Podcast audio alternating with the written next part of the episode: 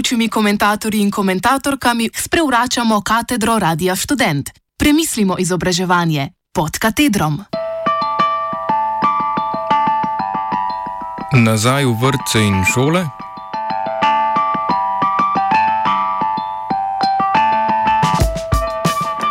Pretekli teden smo v javnosti lahko zasledili vest, da se bodo s 4. januarjem, torej po novem letu, v vrtce in šole ponovno začeli vračati vrčevski otroci in nekatere skupine učencev. V naslednjih desetih minutah bomo zato na ponovno odpiranje vrtcev in šol pogledali skozi pedagoška očala.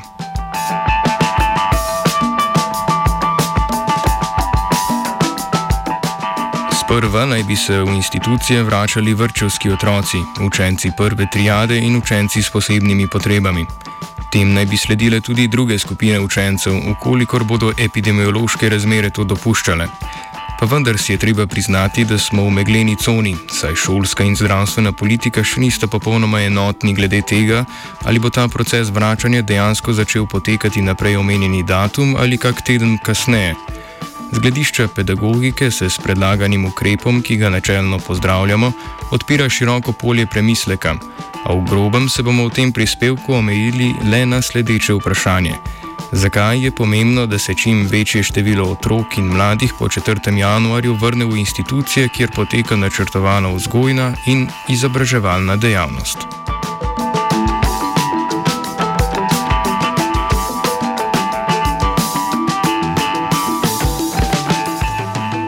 Pretekli teden smo lahko zasledili izjavo ministrice za izobraževanje, da citiramo: Izobraževanje nadaljavo generalno poteka dobro, smo opremljeni, ni večjih težav. Konec citata. Če pustimo ob strani, da za tako trditev ni, mogoč, ni moč najti podkrepitve v dejanskih izkušnjah, o katerih poročajo starši, učitelji, vzgojitelji in učenci, pa se lahko obregnemo ob to, da spominja le še na eno od gesel, primerljivih z ministričnimi petimi zji: znanje, zdravje, zaupanje, zmernost in zrelost. Skratka, gre za floskolo, trditev brez vsebine, ki ne zadene tarče problema, zato bomo to poskušali zadeti vsaj pod katedrom.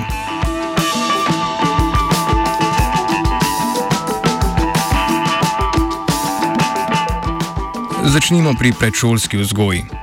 Tisti, ki vestno sledimo nastopom in pozivom ministrice v zadnjih mesecih, smo lahko v njenih besedah zaslutili predpostavko, po kateri se o predšolski vzgoji razmišlja le v okvirih skrbstv skrbstvene dejavnosti.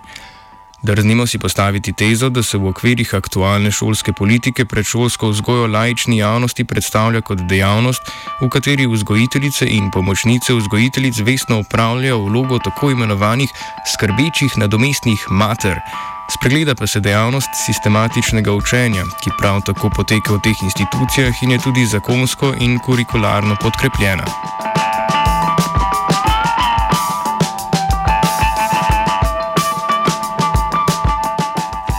Ena od poglavitnih idej javnih vzgojnih in tudi izobraževalnih institucij je namreč ta, da tistim otrokom v javnih vrtcih in šolah, ki so kakorkoli prikrajšani za izkustva in znanje, omogočajo učne izkušnje, s katerimi jih popeljejo v svet vednosti in znanja, ki jo sicer ne bi bili deležni v svojem družinskem okolju. Seveda pa se morajo pri tem vzgojitelji in učitelji držati načel kritičnosti, pluralnosti in objektivnega poučevanja učnih vsebin, ki nalagajo učenje in porajajo interes. O pozitivnem razvojnem vplivu vključenosti otrok v vrtce, sploh tistih deprivilegiranih, poročajo Bela knjiga o vzgoji in izobraževanju iz leta 2011 in številne druge raziskave. Večmesečno zaprtje vrtcev nas zato lahko upravičeno skrbi, vsaj z pedagoškega gledišča, in v luči tega podpiramo odprtje vrtcev 4. januarja.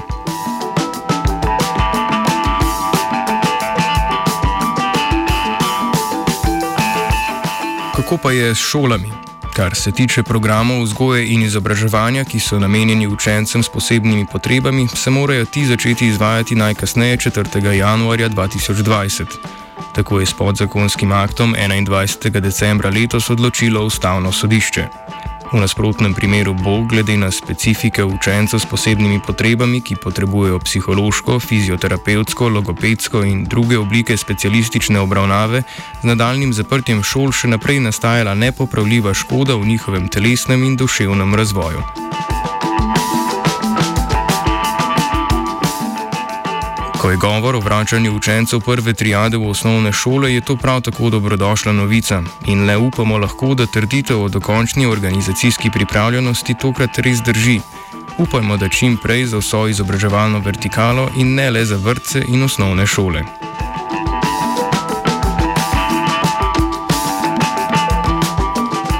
V čem je prav, pravzaprav srč problema in našega zagovarjanja ideje o vrnitvi čim večjega števila učencev v šole, ne glede na njihovo pozicijo v izobraževalni vertikali. Sami jo vidimo v tako imenovanem pedagoškem kontaktu.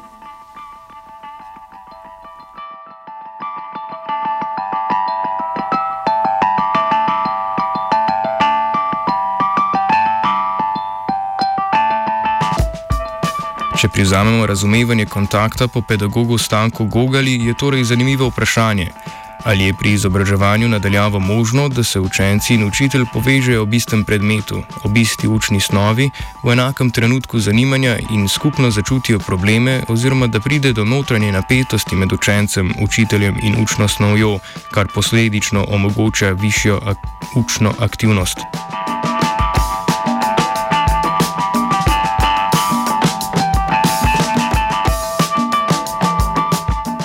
Od samih začetkov izobraževanja nadaljavo se audio-video komunikacija v podpori različnih spletnih platform, kot so Zoom, Skype, Arnest in druge, kaže kot edina resnejša možnost poučevanja učne snovi in vzpostavitve pedagoškega kontakta.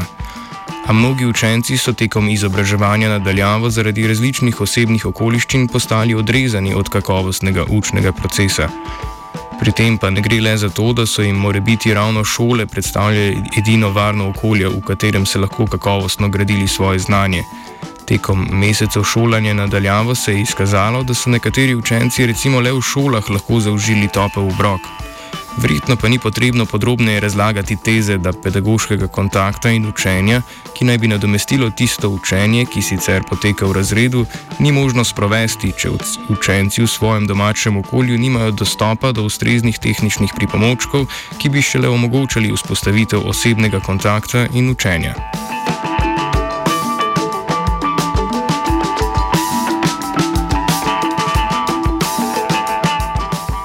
Se spet opremo na Google, je torej ključno zavedanje, da šele osebni kontakt omogoči izobrazbeno in vzgoj, vzgojno daj, dajanje in sprejemanje, od česar sta odvisna uspeh in prijetnost šolskega dela.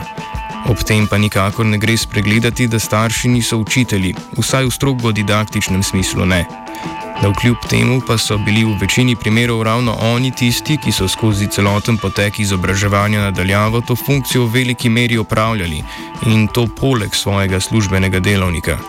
Torej je odprtje vrtcev in šol ključnega pomena, če ne želimo, da bi se družbene neenakosti še naprej reproducirale v tolikšni meri, kot so se v preteklih mesecih.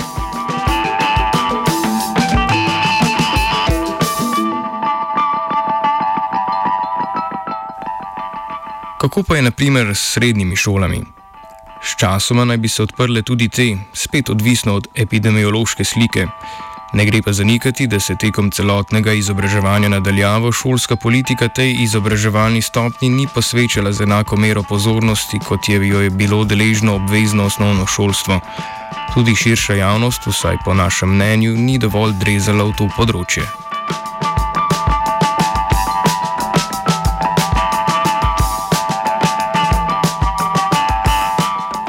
Strinjali bi se lahko, da tudi univerze niso bile deležne dovoljšne pozornosti.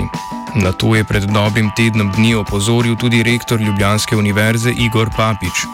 Opozoril je na mesto, ki je, na pri, ki je pripisano znanju in visokošolskemu izobraževanju v slovenski politiki. Sproščanje preventivnih ukrepov na tem področju je namreč le del zadnjega vladnega paketa. Nekateri študenti zaključnih letnikov lahko zato le upajo, da se bodo še kdaj ozrli v notranjost svoje alme mater.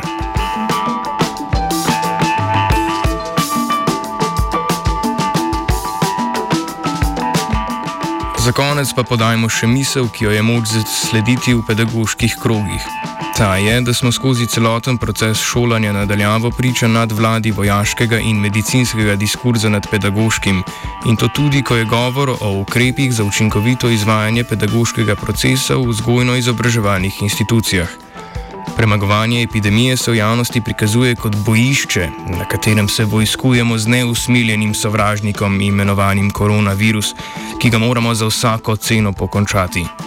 A kolikšna je res ta cena? Videti je, kot da vanjo niso vštete čustvene, materialne in druge stiske staršev, učencev, študentov in tako naprej.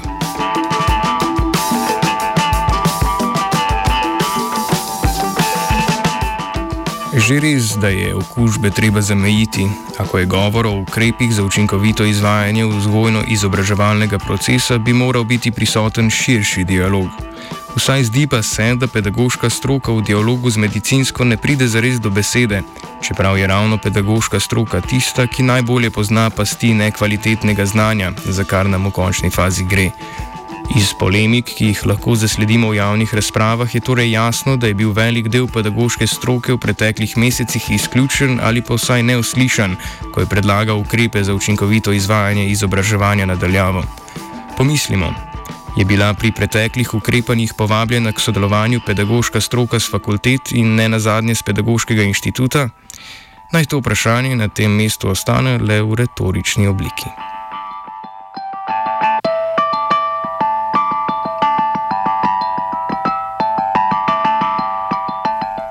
Pogled vam je skozi pedagoška očala razprostrl vajenec Jaka ob mentorstvu HNR.